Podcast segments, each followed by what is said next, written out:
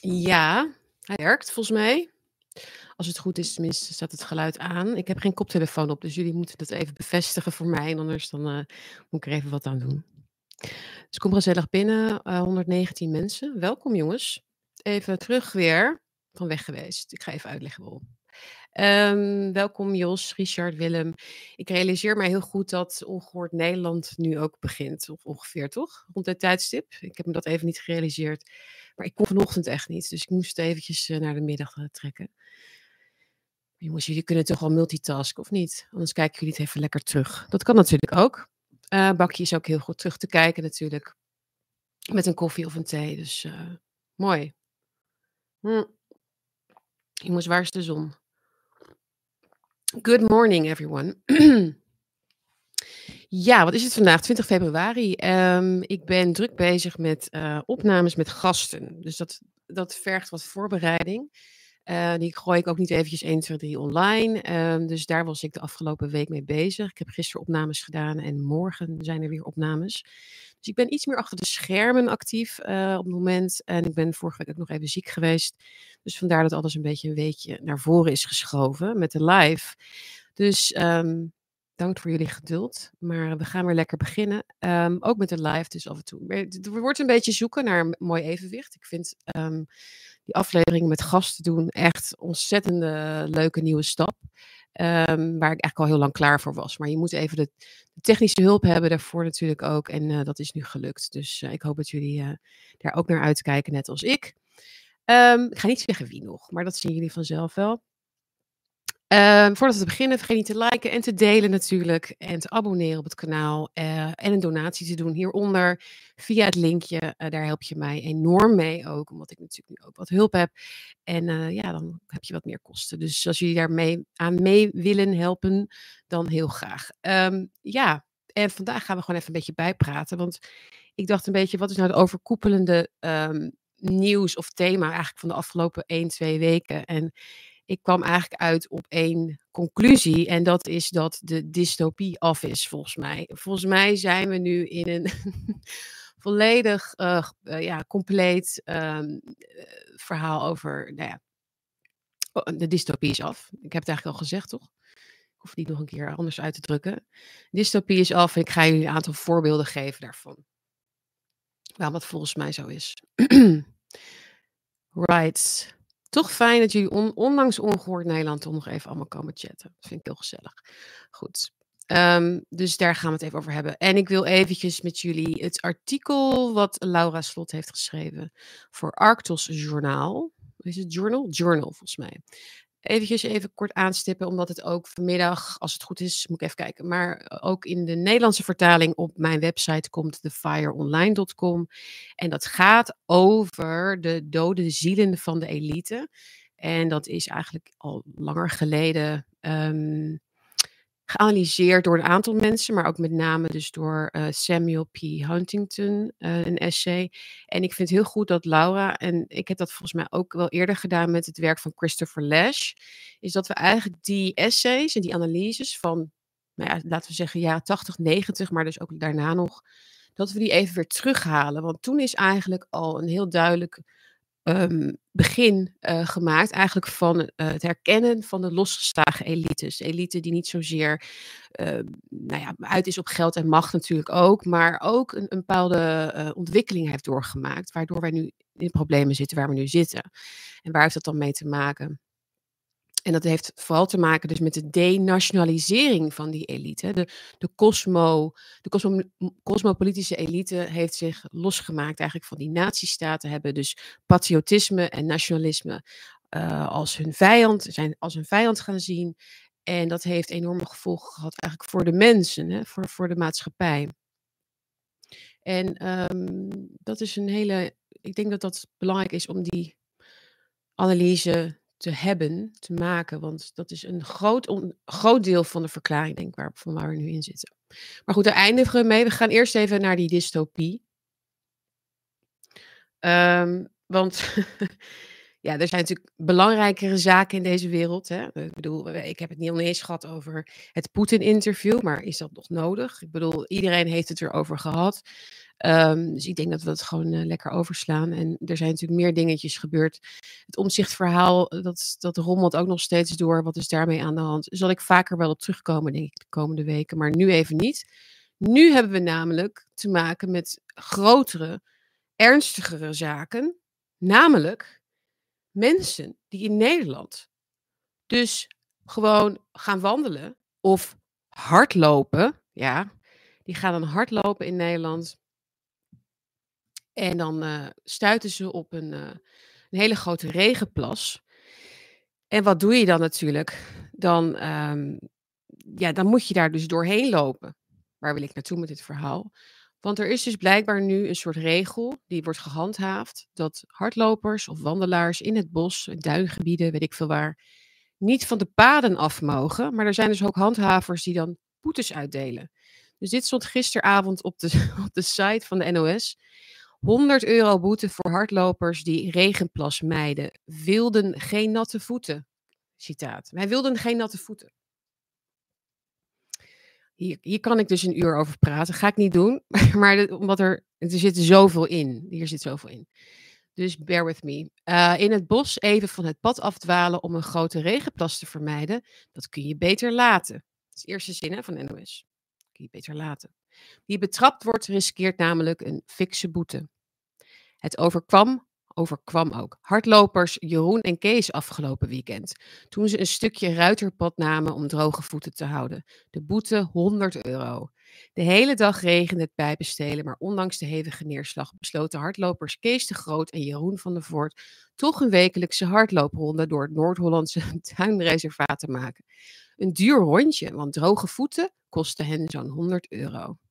Dus net even de stijl van schrijven ook. Hè? Dus even los van de absurditeit, hè? Dus de dystopie hierin. Um, de, de, het, het, het, kinderlijke sadisme wat er een beetje in zit al, het, het, cynisme wat er ook in zit, van nou, droge voeten, dat, dat kost je wel wat, dat is duur, droge voeten. Eh, de infantiliteit ervan. De hardlopers liepen op de verharde weg. Een andere route dan normaal, want onze gebruikelijke weg was al niet meer begaanbaar, vertelt Kees. Dus eh, de NOS heeft deze mensen dus ook geïnterviewd. Met, en dus daarom staan er citaten in dit stuk. Want anders snappen we het niet of zo. Dan snappen we niet waar. Anders snappen wij niet, als NOS-kijkers en lezers hier op deze site, wat Kees en Jeroen dan toch bezielde eigenlijk om dan om dan om een plas heen te lopen. Want het is wel goed dat ze dat even uitleggen, toch? Dat ze even uitleggen dat, het, dat ze droge voeten wilden houden. Anders dan zouden wij het misschien niet begrijpen waarom iemand toch in, waarom het in iemand opkomt om, om een plas heen te lopen via een ruiterpad. Hè? Je zou bijna zeggen dat ze hier de snelweg op zijn gelopen of zo. Hè? Want dat zou dan misschien een beetje gevaarlijk worden. Dan zou een boete misschien op zijn plek zijn. Maar een ruiterpad, zeg maar, dat is dan eigenlijk ook al een grote crime. Um, maar ze mogen hier wel hun verhaal doen. Hè? Ze mogen hier eventjes hun motieven en hun redenatie even komen uitleggen. Want anders dan, ja, dan snappen wij dat natuurlijk helemaal niet. Waarom je niet gewoon door een hele... Ik zet ook een foto bij van die plas. Ik ken ze. Ik ken ze ook van het bos hier. Dat, zijn, dat, dat, dat, dat is niet fijn. Heb je gewoon, ben je gewoon doorweekt als je er doorheen gaat. Maar ja, dus, maar ook de verharde weg bleek niet opgewassen tegen de overvloedige regengeval van de afgelopen weekend. Van afgelopen weekend. Op een gegeven moment staan we voor een meer van water. Dus snijden we een stukje af om vervolgens onze route op de verharde weg te vervatten. Op een gegeven moment. Wat een verhaal, jongens. Het is ongelooflijk wat de mensen allemaal overkomen. Wat, wat je gewoon kan overkomen op een dag, hè? Net nadat de mannen de hoek om zijn gegaan, zien ze twee boswachters staan. Ik haal mijn duinkaart nog uit mijn broekzak. Ja, dus blijkbaar moet je ook een duinkaart hebben of zo. Of iets, ik weet niet, duin, duinwandelbewijs of zoiets. Maar dat bleek niet de reden te zijn dat de hardlopers werden aangesproken. Jullie krijgen een boete voor het lopen op het ruiterpad, zei een van hen. Kees reageerde verontwaardigd. Ik zei nog, doe niet zo flauw. Dit zijn onvoorziene omstandigheden. Maar de boswachter hield voet bij stuk en vertelde dat de twee aan de kant hadden moeten lopen. Als Kees hem vraagt of hij kan laten zien hoe hij dat dan had moeten doen, antwoordde de boswachter dat hij één boete voor beide zou geven. Nou, dat is wel weer heel aardig, toch? Dat, dat je niet allebei 100 euro moet betalen voor het lopen op een paadje. Ja? Zijn jullie het met mij eens dat de dystopie af is, of niet? Dus dystopie is niet alleen maar dat absurde regels op een absurde wijze worden gehandhaafd. Dat is het ook. Het is ook hoe er over wordt bericht. Het is ook hoe de reacties van mensen daar dan weer op zijn. dus dat je het hebt over onvoorziene omstandigheden en zo. Dus dat je eigenlijk al gaat onderhandelen met de absurditeit. Dus je onderhandelt met een absurde situatie. In dit geval dus die boswachters. Die zijn dan eigenlijk de verpersoonlijking van dat absurde. En daar onderhandel je dan al mee omdat je dan hoopt dat er nog een schijntje menselijkheid zit in die mensen, nog een soort ziel zit in mensen, die ehm, begrijpen dat, dat dit natuurlijk um, absoluut geen, no niet normaal is meer. maar daar zijn we al te ver van afgedreven. En het staat ook nog in de krant. Maar je hebt dus ook inderdaad dat je mountainbike vignetten tegenwoordig hebt of zo. Je moet dan bepaalde vergunningen hebben om te mogen fietsen. Um, ik weet niet precies hoe ver dit allemaal gaat. Maar er zijn dus inderdaad de, de toegangsregels. Blijf op de paden. Daar gaat het toch ook nog over. Ook met regenval blijft die gewoon bestaan. Zou er een uitzondering zijn, denken jullie, dat er, dat er een voor onvoorziene omstandigheid zou kunnen zijn, waardoor je niet, zeg maar, mm, wat is het eigenlijk? Ja, ze hadden terug moeten lopen. Ze hadden dus ze hadden moeten omkeren en ze hadden moeten teruglopen, is de redenatie. En als er dan bijvoorbeeld um, achter je een, een, bosbrand is of zo, hè? dus achter je is er een bosbrand, voor je is er een plas en naast je is een ruiterpad. Zou je dan wel mogen of zo? Hoe werkt dat dan precies? En welk, onder welke omstandigheden mag je gewoon van, van de omgeving om je heen gebruik maken om gewoon je te verplaatsen? Dit is, dit is het gevolg eigenlijk van het um, verkrachten eigenlijk. Hè? Dus bureaucratische verkrachting eigenlijk van de, van de natuur en de publieke ruimte. dus de publieke ruimte, de buitenlucht eigenlijk zou je ook nog kunnen zeggen natuurlijk, want dat is een breed begrip, um, is niet meer beschikbaar voor de mensen. dus we, moeten wel de, de, dieren zeg maar mogen overal komen, de wolven. We mogen de wolven natuurlijk niet um, tegenhouden als zij eh, de schapen willen aanvallen. Maar we mogen wel hardlopers en wandelaars beboeten voor over een, ruiter, een ruiterpad. een ruiterpad, daar, hoe vaak zien jullie een paard op een ruiterpad? Hm. Ingewikkeld, nietwaar?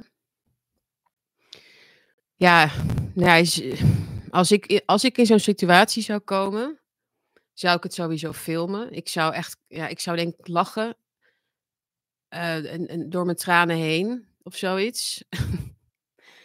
maar goed, ik zag reacties op, uh, op X. Mensen zeiden van, uh, kijk, trek mensen een uniform aan en ze veranderen in een, in een monster. En dat is zo, denk ik. Monster. Um, en die mensen houden dan voet bij stuk. Dus dan lig je als boswachter s'avonds in bed en dan heb je dus dit gedaan. Dat is dan je werk. Dat is dan je werk. Ongelooflijk. Maar goed, uh, hier heb ik alweer tien minuten aan gewijd. Maar nou, dan was er nog wat anders, waardoor, waardoor ik dacht van, oh ja, de dystopie is af. Uh, even kijken.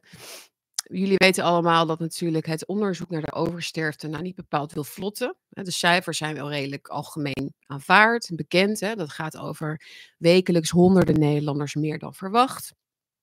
Sinds augustus 2021 zie je een duidelijke oversterfte. En dat gaat dan jaarlijks om ongeveer 14.000 mensen. Ik weet niet precies of dat het cijfer is, maar dat, dat, dat vond ik. Um, nou heeft GroenLinks PvdA bedacht. Uh, en je zou het zelf ook kunnen bedenken, want dit is de, de denktrand. Hè? De denktrand. Hè? Dus um, van tegenwoordig. GroenLinks PvdA wil dat de oorzaken van de jarenlange oversterfte goed worden onderzocht. Ja, dus dat is het uh, paradigma. Dat is, de, dat is natuurlijk. Eh, ze willen niet dat het wordt onderzocht. Hè?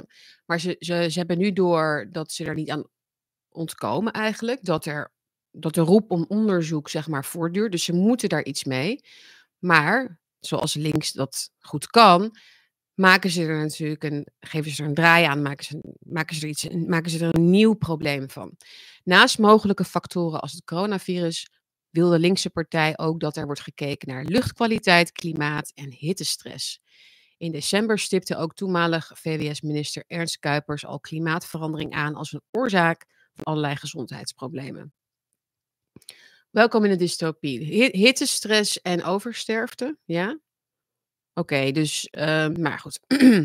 dus er, dan zou er dus um, een temperatuurverhoging moeten zijn dermate hoog dat mensen letterlijk uh, als hè, mussen van het dak vallen.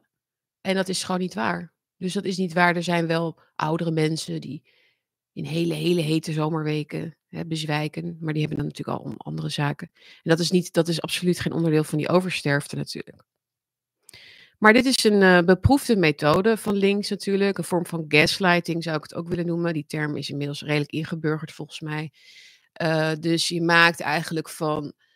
Um, hè, dus je, je, laat mensen een, uh, in een bestaand. Hè, mensen die observeren iets, of die zien iets, of die hebben het vermoeden dat er iets gebeurt, de oversterfte.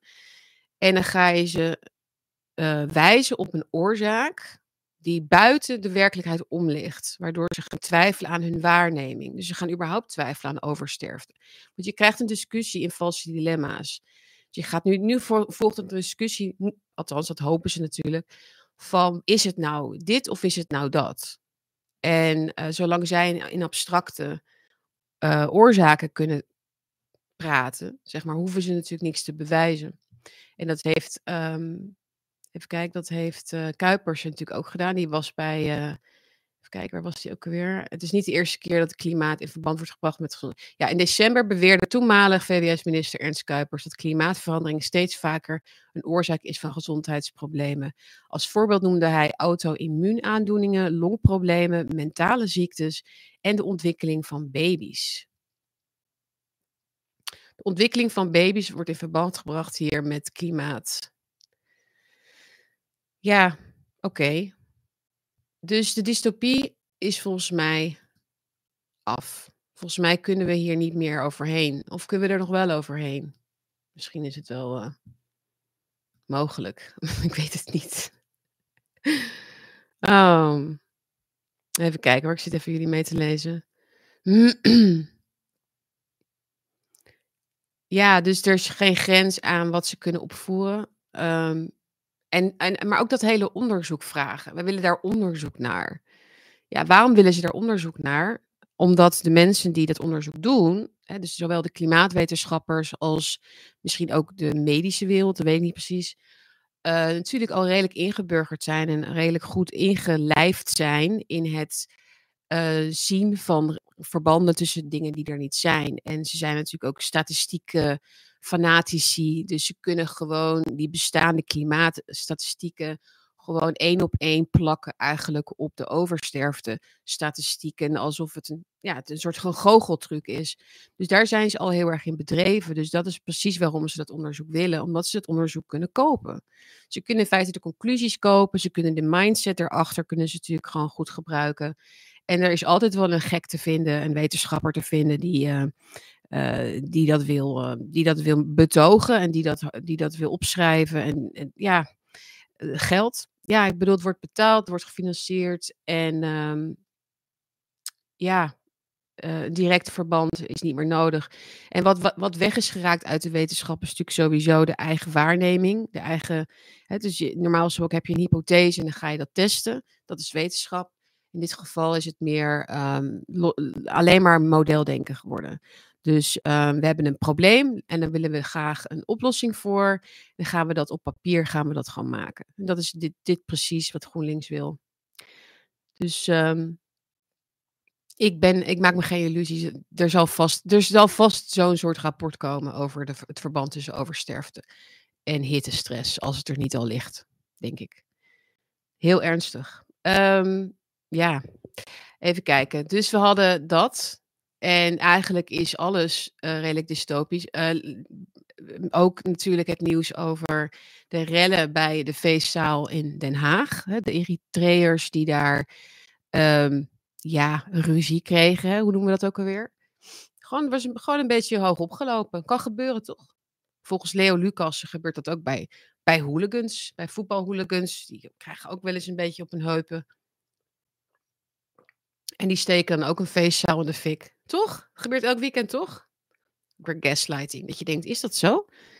Is dat zo? Dus het, nee, maar dat is, dat is natuurlijk het beeld van hooligans. Dus Leo Lucas gebruikt het beeld wat wij hebben van hooligans, zoals dat een beetje kan gebeuren. En vaak gebeurt dat al rondom zo'n stadion.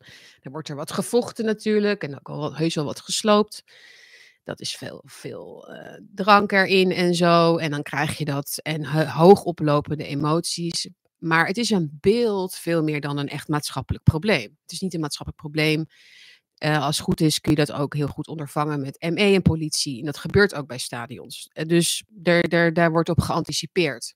Maar op het verhaal met de Eritrese gemeenschap wordt niet geanticipeerd. En niet alleen niet geanticipeerd, er wordt ook niet echt gekeken naar wat gaan we daaraan doen. Want het is natuurlijk allemaal niet hun schuld. Hè? Dus hier is het veel over gegaan de afgelopen dagen. En je kunt het helemaal uittekenen natuurlijk. Um, er stond, ik weet niet uit welke krant dit komt, volgens mij het AD of Telegraaf. En dan staat er uh, een citaat. Het ging mis omdat zoveel van ons trauma's hebben. Dus deze mensen hebben trauma's, deze Eritreërs. En uh, ja, dan is eigenlijk alles geoorloofd, toch? Dan heb je een slachtofferkaart, dan heb je een, uh, ja. Dan, dan hoef je je niet meer te verantwoorden, dat is het idee. Um, en niemand is saying the quiet part out loud. Nou ja, sommigen wel. Maar dit is natuurlijk gewoon schering en inslag bij deze mensen die dat in hun eigen thuisland ook op die manier waarschijnlijk oplossen met elkaar.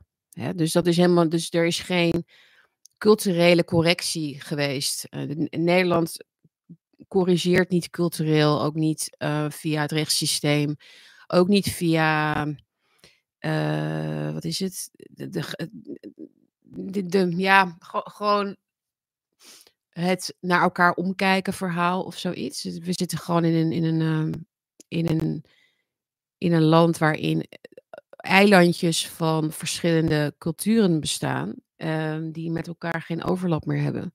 En dit is natuurlijk een extreme, een extreme uitwas daarvan. Maar ik zag die beelden van, van, dat, uh, van, dat, van, dat, van die feestzaal. Maar ook, ook um, de auto's op straat, die helemaal uitgebrand. Het leek, het leek wel een oorlogszone of zo. Toch, of niet? En um, dat, dit gaat natuurlijk nog vaker gebeuren. Want als, we er, als je er niks aan doet, dan gebeurt het vaker. Dat is een beetje de regel, toch? Ja, echt ongelooflijk. Um, zoiets, zoiets, zoiets hadden de, de koffiedrinkers op het Museumplein moeten proberen. Hè? We gaan even. We hebben ruzie. We zijn getraumatiseerd. Femke Halsema. We zijn getraumatiseerd door de uitsluiting. En door het feit dat we in deze coronatijd allerlei dingen moeten doen. Um, nee, dat is alleen maar voorbehouden aan officiële slachtoffergroepen. Die mogen dat natuurlijk dan gewoon uitvechten. Want het is, ze kunnen er gewoon niks aan doen. Ze hebben geen vrije wil. Deze mensen hebben geen vrije wil. Het is het racisme van de lage verwachtingen. Groot gemaakt door mensen als Leo Lucassen, onder andere. Dus uh, succes. Ik wens, ik, wens, ik wens ons land veel succes voor de komende tijd. Ik zou zeggen, kies goed uit waar je gaat wonen. Um, maar goed, uh, Gelukkig uh, is op het ruiterpad lopen wel gewoon strafbaar. Hè? Dus uh, feestzaal afvikken, kapot, kort en klein slaan, rellen, de hele politiemacht op de been houden, brengen. Trauma, over het ruiterpad lopen omdat je niet door een plas wil, strafbaar. Even een beetje om aan te geven. Dit is ongeveer waar we nu op dit moment in zitten. Dat is, dat is, het, dat is de fase waarin we nu zitten qua onze relatie met onze overheid. Die op problemen dus oplost. Deze regels bedenkt voor de mensen die ze pikken. Regels zijn er nu voor mensen die het pikken. Dat die regels er zijn. En er zijn geen regels voor mensen die uh, die we moeten verbergen, zeg maar, onder de, de, de, de problemen die ze veroorzaken. Iemand zegt, je bent nergens rustig meer in West-Europa. Ja, ik weet het niet. Het is ook gewoon. Um, ik, ik, heb ik heb volgens mij vorige, vorige week of zo, twee dagen bijna niets online gezien. En als je echt niets ziet, kan je echt nog wel een tijdje, een paar uur per dag of zo, je in een soort heerlijke illusie wanen dat het eigenlijk ook allemaal wel heel erg meevalt. En als je gewoon zelf een beetje een leuk leven hebt, dan, dan hoef je ook niet, uh, dan hoef je er ook niet even mee bezig te zijn. Maar het is natuurlijk wel waar dat in de grote steden met name een hele hoop gaat gebeuren. Maar ze zullen vast wel een, een grotere oplossing hebben voor ons. De, de, nou ja, iedereen binnenhouden, toch? Kijk, omdat de Eritreërs problemen maken, gaan we gewoon mensen binnenhouden na een bepaald tijdstip of zo. Dat zie ik wel, voor, dat zie ik wel gebeuren in de toekomst. Goed, dat was uh, de dystopie, denk ik. Jullie hebben vast nog veel meer voorbeelden. Um, je, hebt ook zo, je had ook zo'n boekje van een jaar of tien geleden, hoe heet het ook alweer? Van hmm, toen hmm, de deur dicht timmerde of zo. Het gaat daar ook over. Gewoon over de bureaucratische malle molen waar je in terecht kan komen. En hoe je het eigenlijk de behoefte voelt op een gegeven moment om je deur dicht te timmeren. gewoon ook, het begint met de brievenbus natuurlijk. En dan op een gegeven moment gewoon de hele deur. Omdat het het enige is wat je nog kan doen om, om die overheid buiten te houden. Omdat je de hele tijd iets fout doet, de hele tijd iets verkeerd doet. Ook als je het goed wil doen. Want dat krijg je op een gegeven moment ook. Hè, dat je dan met dat voorbeeld van die plas en dat ruiterpad. Is dat je dan op een gegeven moment in een situatie komt dat is echt de dystopie 2.0, is dat er een regel is, maar dat de regel volgen dan op een gegeven moment ook niet meer goed is. Dus dan had je ook de uitzondering op de regel weer moeten kennen. Begrijp je wat ik bedoel? Want als er bijvoorbeeld in die plas een hele zeldzame hagedis zit op dat moment, hè, dan had je daar ook niet doorheen mogen lopen. Of er groeit net die week groeit er een heel bijzonder zeldzaam plantje, uh, waardoor je daar niet langs had gemogen, uh, ondanks dat dat de hoofdregel is. En dan krijg je dus letterlijk wat je in een totalitaire systeem ook hebt, is dat de, de regel van het moment, de norm van het moment geldt.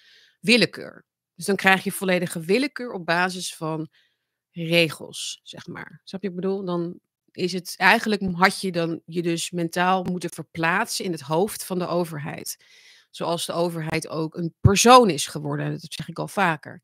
Dus wij zijn mensen, wij, wij als mensen moeten opgaan in een soort collectief natuurlijk, waarvoor regels gelden. En wij zijn een soort één sociale eenheid.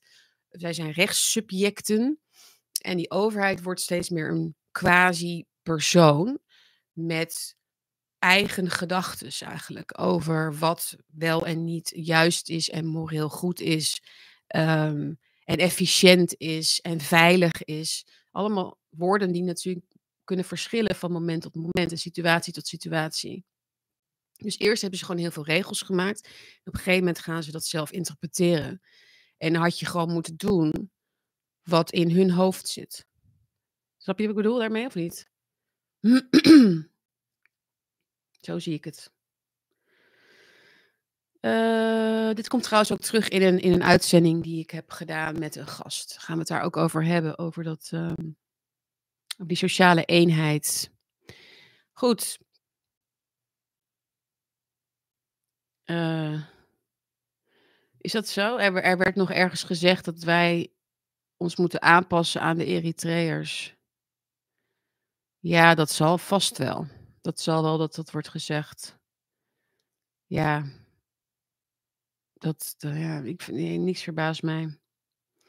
Um, kijken of jullie nog meer hadden hierover.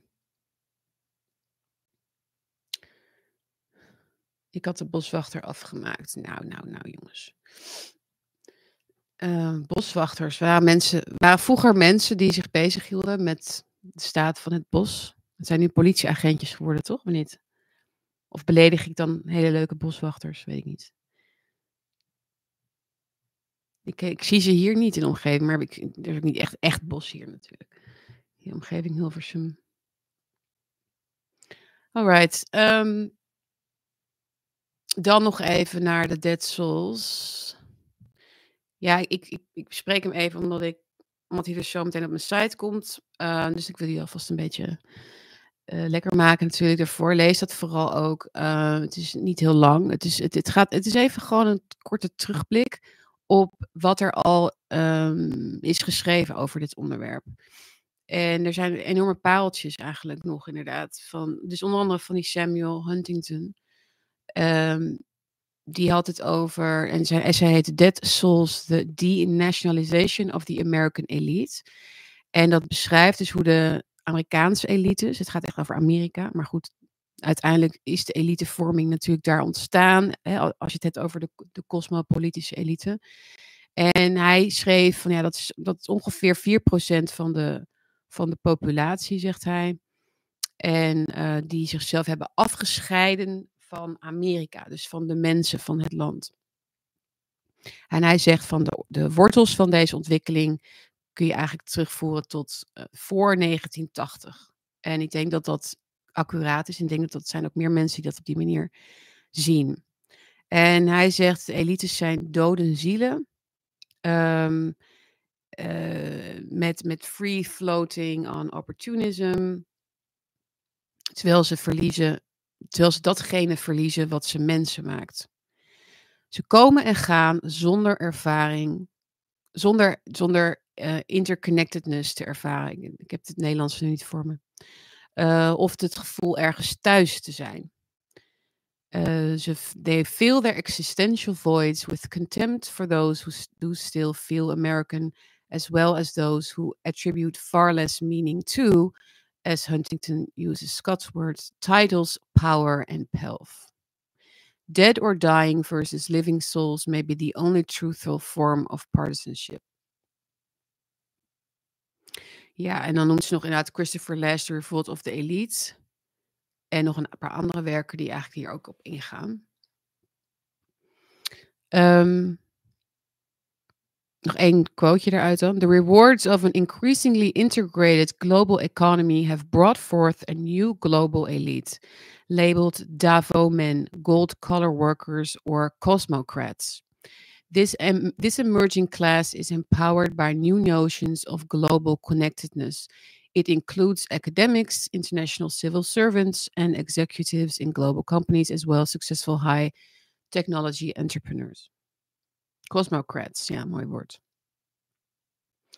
Um, Huntington estimated the size of this global elite at about 20 million in 2000, of which 40% were American, and he expected it to double in size. Ja,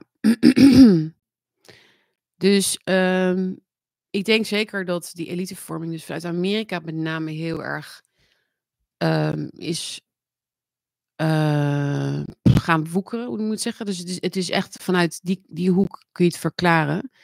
Uh, de morele superioriteit inderdaad die er natuurlijk in zit. Ook het voorbij het nationalisme naar transnationalisme. Uh, en dat transnationalisme, dat vind ik interessant ook vooral aan het stuk van Laura Slot. Hè, waarin ze dat dus uh, via Huntington even weer onder de aandacht brengt. Is dat dat transnationalisme is zowel economisch als universeel als moralistisch. En waarom is dat belangrijk? En dat is even het punt wat ik hierover wil maken. En dan mag ik iets later zelf gaan lezen. Um, is dat wij vaak denken natuurlijk, uh, hè, dat wordt ons ook verweten, dat het allemaal een complot is. En dat het inderdaad allemaal gaat over de investeringsmaatschappijen, de banken, het grote geld, NGO's, um, het kapitalisme, wat natuurlijk helemaal is ontspoord in die zin zich heeft vastgezet aan, aan, aan, aan overheden en belangen daar. Uh, maar het, is, het, heeft veel meer koppen, dit monster. Hè? Dus, dus het is niet één kop. Het monster heeft verschillende koppen. En het is inderdaad dus economisch, maar het is ook moralistisch. Het is ook echt het geloven hè, dat je dus jezelf over grenzen heen eigenlijk moet uh, dat je de expansie van jouw ideeën en van jouw belangen eigenlijk over grenzen heen moet voeren. Um, the moralistic branch believes that supernatural morals are superior to national ideals and that national interest and patriotism are evil forces.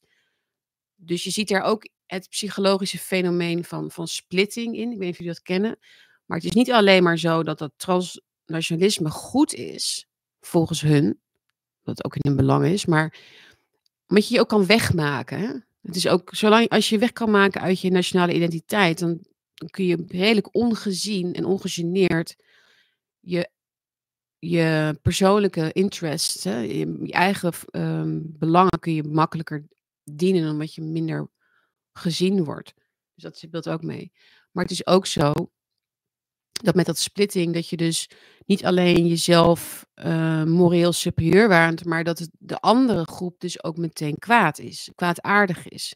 En dat moet je dan vervolgens ook doen om jezelf, om te rechtvaardigen aan jezelf als elite, dat wat jij, wat jij doet beter is voor de wereld. En ik denk zeker dat, dat er een groot deel van die mensen, de Hillary Clintons, ik noem maar wat, dat echt niet denken hoor. ik zag haar weer op een foto staan met die uh, Tedros van, uh, van het WHO. Ik weet niet of jullie dat hebben gezien. Zij duikt overal op waar wat uh, macht en invloed te halen valt. En dat is natuurlijk heel ziekelijk. Maar zij zijn, je hoort het haar ook heel vaak zeggen. De andere kant, hè, dat zijn de deplorables. Dat zijn de, dat zijn de evil forces. Wij zijn de evil forces. Ze hebben, de, ze hebben, daar komt het op neer, eigenlijk de oorlog verklaard aan mensen. De revolt of the elites noemde Christopher Lash het ook de oorlog verklaren aan mensen. Dat is natuurlijk een heel groot geheim wat ze dan daarin hebben. Hè? Het is heel moeilijk om democratie te feinzen op een manier zonder dat je die haat voor mensen um, niet verbergt. Zeg maar. je, moet dat, je moet dat toch ergens in, in verpakken. Dus dan noemen ze dat. Dat kunnen ze alleen dus door het over democratie en rechtsstaat te hebben. Maar in feite zit er een diepe hekel uh, natuurlijk daaraan aan mensen met wortels, mensen met uh, geloof in God, mensen met gemeenschapszin, mensen met cultuur en tradities. We hebben het er heel vaak over gehad hier. Uh, dat is een doorn in het oog. En daarom is, is er ook een aanval ingezet op die mensen. Maar je moet het zien als een revolt, denk ik. Zij zijn letterlijk degene die in opstand komen tegen ons. Wij denken de hele tijd dat wij dat doen. Uh, nou, wij doen dat natuurlijk helemaal niet. Ja, we gaan naar het stemhokje en dan stemmen we op de PVV en dan, en dan komt het goed of zo. Maar um, in feite is het natuurlijk omgekeerd. Waarom is het belangrijk om, om dit te zien, denk ik? Is um, omdat we onze gedachten, ons, ons, uh, zoals Laura het hier ook noemt, the uh, importance of releasing long-held thought patterns to make room for new ways of thinking. Ja, dus we gaan moeten observeren zoals Huntington dat deed hier, dus met die elites. En ze eigenlijk ja, meer in een ander, ja, in het daglicht zetten van dat ze het ook, dat ze zelf ergens, dat ze een kant op zijn gegaan waar ze niet meer uit kunnen komen. Um, en dat we daar dus door een andere manier van kijken, vanuit, vanuit ons, kunnen we ook uh, um, kunnen we ons wapenen daartegen, snap je? Het grootste gevaar van deze tijd is denk ik dat we de hele tijd toch blijven opkijken tegen deze mensen. Dus tegen de klimaatdrammers, zullen we maar zeggen. Laat ik even één voorbeeld geven. Hè. Dus dat, een voorbeeld van dat opkijken naar de elite als mensen die hun morele gelijk hebben, of is dat eh, de hele tijd maar noemen van, benoemen van wat hypocriet is. En daarmee zeg je eigenlijk, jullie hebben wel wel degelijk een moreel gelijk ergens. Hè? Dat is wat je dan zegt. Jullie mogen zelf ook niet vliegen. Waarom eten jullie wel vlees? Waarom zijn jullie wel. Hè, um, waarom zijn jullie niet zuinig en moeten wij dat wel doen? Waarom ga jij als een Boris Johnson wel feestjes vieren tijdens corona, net als uh, Grapperhaus zijn bruiloft vierde, weet je nog? Dat vonden we allemaal heel, heel oneerlijk en heel hypocriet. Maar in, die, in, die, in dat verwijt stop je dus het, um, de erkenning dat ze, dat ze morele superioriteit ook hebben. Maar dat hebben ze niet. En ze weten zelf ook, helemaal, ze weten zelf ook wel dat ze het niet hebben. Begrijp je? Alleen, um, ze voelen zich superieur, maar er zit niet, er, zit niet een, een hele eenduidige reden achter, denk ik. Het is dus economisch, universeel en moralistisch. En je ziet het ook bij academici en journalisten. Het, we moeten zien dat het is een vorm van feinzen. Hè, dus als er en als wij meedoen, wordt het waar. Begrijp je? Dus als wij onze manier van denken daarover veranderen, dan krijg je ook een nieuw paradigma, denk ik. Dat, dat kost wel tijd, maar dat zal wel moeten. Goed. Ehm Amerikaans nieuws, ja, dat, dat is ook, uh, dat ga ik ook eventjes uh, wat meer volgen, want dat wordt ook wel weer spannend, denk ik. Um, ik denk dat die Kennedy niet heel, ik denk, ja, die gaat natuurlijk niet worden. Hij haalt wel heel veel aandacht weg van Trump. Um, maar goed, dus ik denk dat uh, de kans dat Trump kan winnen, hoe zeg je dat? Zo groot. Maar ik ga daar ook wel weer meer over berichten, want dat is natuurlijk heel belangrijk. Althans, ja. Trump wint toch, zegt iemand hier. Oké, uh, had ik nog wat anders? Even kijken hoor. Ja, nou ja, ik wilde, ik schrok heel erg van, van die uitzending van Roddelpraat van Dennis Schouten. Heb je dat gezien of niet? Even heel kort daarover, want ik weet dat heel veel mensen dit ook absurd vinden, maar die jongen, die heeft dan het Roddelpraatprogramma met Jan Roos en die gaat dan in het programma vertellen dat hij het leven niet meer ziet zitten. En ik schrik daar gewoon heel erg van. En dan denk ik, um, ja, ten eerste, misschien moet je dan met dat programma eerst stoppen ook. Want het zou misschien wel eens kunnen dat dat niet, dat niet helpt. Maar goed, dat is misschien een beetje kort door de bocht. Um, maar ik vind dat, ik vind dat wel. Uh, ik denk echt. In welke nieuwe rare fase zijn we nu weer aanbeland? Dat, dat dit nu iets is wat we gaan bespreken op, op internet iemand zijn diepste pijn en uh, besluit ook om dan te stoppen met het leven. Ik vond dat Ad Verbrugge daar een aantal goede dingen over zei in de Nieuwe Wereld. Ook van, misschien moet je dat überhaupt niet als optie op tafel leggen. En zeker niet hardop. Um, uit het leven stappen of zoiets. Ik uh, vind dat redelijk schokkend. Mag ik dat schokkend vinden? Ja. Want je, je, je, je, je, zaait weer, je zaait weer dingen in mensen hoofd, bij jonge mensen ook daarmee. En, uh, en Ad zei ook, misschien moet, moeten we niet uh, verkopen aan jonge mensen, hoewel hij niet eens zo jong is, hij is 28. Misschien moeten we niet verkopen aan jonge mensen dat het leven weet dat heel leuk moet zijn. het is eigenlijk, hè, van, want eh, Jan Roos had het dan over geluksstofjes in je hoofd. Ja, je hebt geen geluksstofjes. Denk ja, er is een verschil tussen geen geluksstofjes hebben en de tragedie van het leven um, omarmen of zo. Noem je dat? Dat is, dat is voor mij uiteindelijk het gelukstofje. Als, als dat, mag ik dat zeggen? Er, zit, er zit iets heel gelukkigs in het omarmen van de tragedie van het leven. Het is de acceptatie. En dat, dat vind je ook misschien makkelijker als je gelooft in God. Dat weet ik niet, dat kan ik niet voor jullie bepalen. Maar er zit iets van een rust en geluk in het omarmen van het tragedie. En kijk, ik heb het niet over echt manisch depressieve mensen die echt, echt serieus suicidaal zijn. Dat weet ik niet. Ik weet niet hoe dat komt bij mensen. Maar um, feit is wel dat het vaker voorkomt dan vroeger. Dus daar zit niet. Hè, dus, dus het moet te maken hebben met de tijd en hoe we naar het leven kijken. Dat is, dat is letterlijk dan wat je moet concluderen, toch? Um, dus dan moet daar, moeten we daar volgens mij aan werken een, een andere definitie van geluk.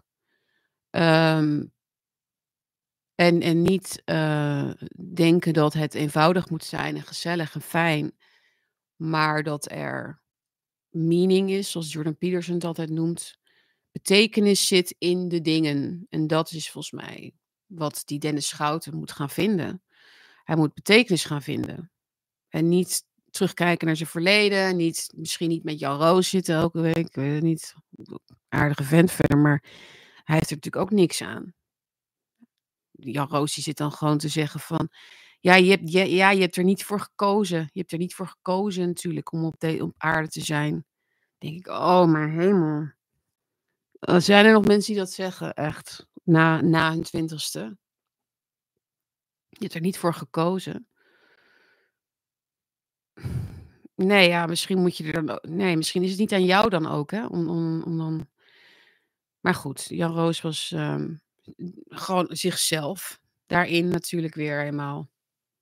Maar goed, ik weet niet of, uh, of dat bij jullie uh, nog een snaartje heeft geraakt. Bij mij wel. Ik vond het best wel zwaar om naar, om naar te kijken. Als fenomeen, zeg maar. Goed. Um, ja, ik vind zelfmoord geen onderwerp voor mijn bakkies. Dus ik, ik merk dat ik nu al dat ik daar dus nu over moet ophouden. Ik vind het gewoon heel, uh, heel moeilijk. Um, hij maakt een hoop los. Nou, kijk, wat ik er nog positief over kan zeggen, denk ik, is het feit dat hij dit heeft gezegd in een uitzending. Ik zie het leven niet meer zitten. Uh, is dat er misschien nu, door de reacties die daarop volgen, dat er nu iets in gang wordt gezet waar die vooraf nog niet um, bij kon. Snap je? Um, dus dat, dat zou natuurlijk mooi zijn. Zoals het vaak in het leven gaat. Als je denkt dat, je, dat al jouw stappen invloed hebben op je volgende stappen. Maar soms kan er ook van de zijkant iets gebeuren. Wat je niet had voorspeld. En dat is misschien toch, toch een bepaalde steun, solidariteit, uh, hulp, uh, wat dan ook. Um, dat denk ik dan. Oké. Ja, die moeder van Dennis had inderdaad Munchausen bij proxy. Ja, dat is heel ernstig. Dat is um, een hele ernstige aandoening. Waarin dus kinderen worden ziek gemaakt zodat je aandacht krijgt van de artsen en zo. Ik weet niet, wat is die moeder dan? Nou ja, goed, ik weet niet. Daarvoor gestraft of iets? Dat weet ik niet. Ja. Nou, het lot van jongeren sowieso. Ik denk dat we daar veel te weinig echt mee bezig zijn. Um, blijkbaar is iets, er is iets wat niet helemaal goed gaat op die eind 20. Ik vond, ik vond eind 20 echt een van de leukste tijden. Want toen ging ik voor het eerst echt met een serieuze baan beginnen. En je bent jong, je hebt heel veel energie. Um, je gaat, ja, ik, ik weet niet, ik, ik vind dat heel wonderlijk dat dat voor anderen dan weer juist een hele moeilijke tijd is of zo. Maar, einde van je jeugd, ja, wees blij, zou ik zeggen. Alright. Uh, met wie neem ik zo op? Ik heb morgen, uh, ik ga het niet zeggen, omdat ik, kijk, de vorige keer zei ik het ook, met wie ik uh, een bakje ging opnemen op locatie. En toen ging, was die persoon ziek. En, weet je, en dan, dan, dan zeg ik iets en dan gebeurt het niet. Dus ik moet het gewoon eerst maken en dan ga ik het vertellen. En dan ga ik publiceren. Maar um, het wordt denk ik heel leuk. Dus uh, dat komt heel snel binnenkort online. Ik weet niet of het deze week wordt, maar um, ik denk misschien wel. Alright, jongens. Ik ga naar de kapper zo meteen. Dat is wel nodig, toch? Even een stukje eraf. En dan, uh, het is natuurlijk ook nog voorjaarsvakantie, dus ik heb hier twee kleintjes zitten, waar ik eventjes mee uh, ja, ga nou, spelen. Doen we niet meer op die leeftijd. Um, maar we gaan wel even wat doen, denk ik, buiten de deur. En ja, jongens, bedankt voor het kijken. Vergeet niet te liken en te delen en te abonneren. Um, hieronder zijn alle linkjes, relevante linkjes, ook naar de website. En volg daar ook de video's natuurlijk, maar ook de artikelen die worden geplaatst. En dan zie ik jullie heel snel weer hier. Dus met een gast, met een bakje gast of gewoon weer uit de livestream. Dus houd in de gaten, notificatiebelletje, weet je meteen wanneer ik live ga. Dus uh, ik wens jullie een hele, hele mooie dag. Maak er wat moois van en ik zie jullie gauw. Alright, ciao.